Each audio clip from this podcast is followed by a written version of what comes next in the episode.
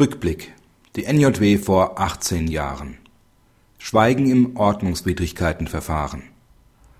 Das Recht zu schweigen gilt auch im Ordnungswidrigkeitenverfahren.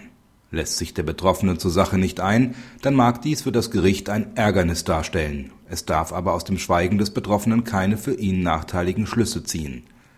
Diesen elementaren Grundsatz eines rechtsstaatlichen Verfahrens hatte ein Betroffener in einem Ordnungswidrigkeitenverfahren vor 18 Jahren zu extensiv ausgelegt und prompt die Quittung zunächst vom Amtsgericht und sodann vom BGH erhalten.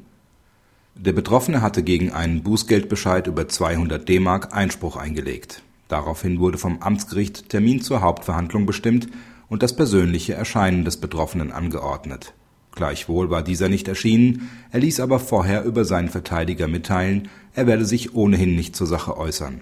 Das Amtsgericht verwarf daraufhin den Einspruch. Die dagegen eingelegte Beschwerde legte das OLG dem BGH vor, der das Amtsgericht bestätigte. Die Anordnung des persönlichen Erscheinens werde nicht durch die Erklärung des Betroffenen in Frage gestellt, er werde sich zur Sache nicht einlassen.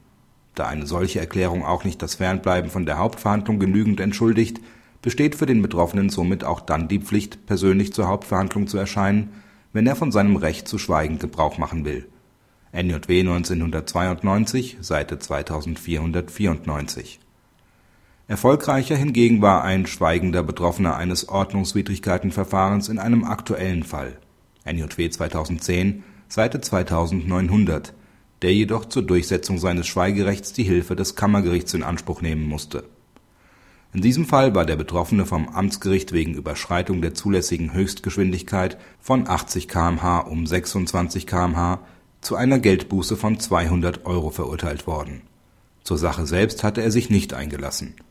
Das Amtsgericht wertete dies in den Entscheidungsgründen als gescheiterten Versuch, die Aufklärung des Sachverhalts zu verhindern oder zumindest zu erschweren und verdoppelte die Geldbuße das Kammergericht sah darin eine Berücksichtigung eines zulässigen prozessualen Verhaltens zu Lasten des Betroffenen und gab seiner Beschwerde insoweit statt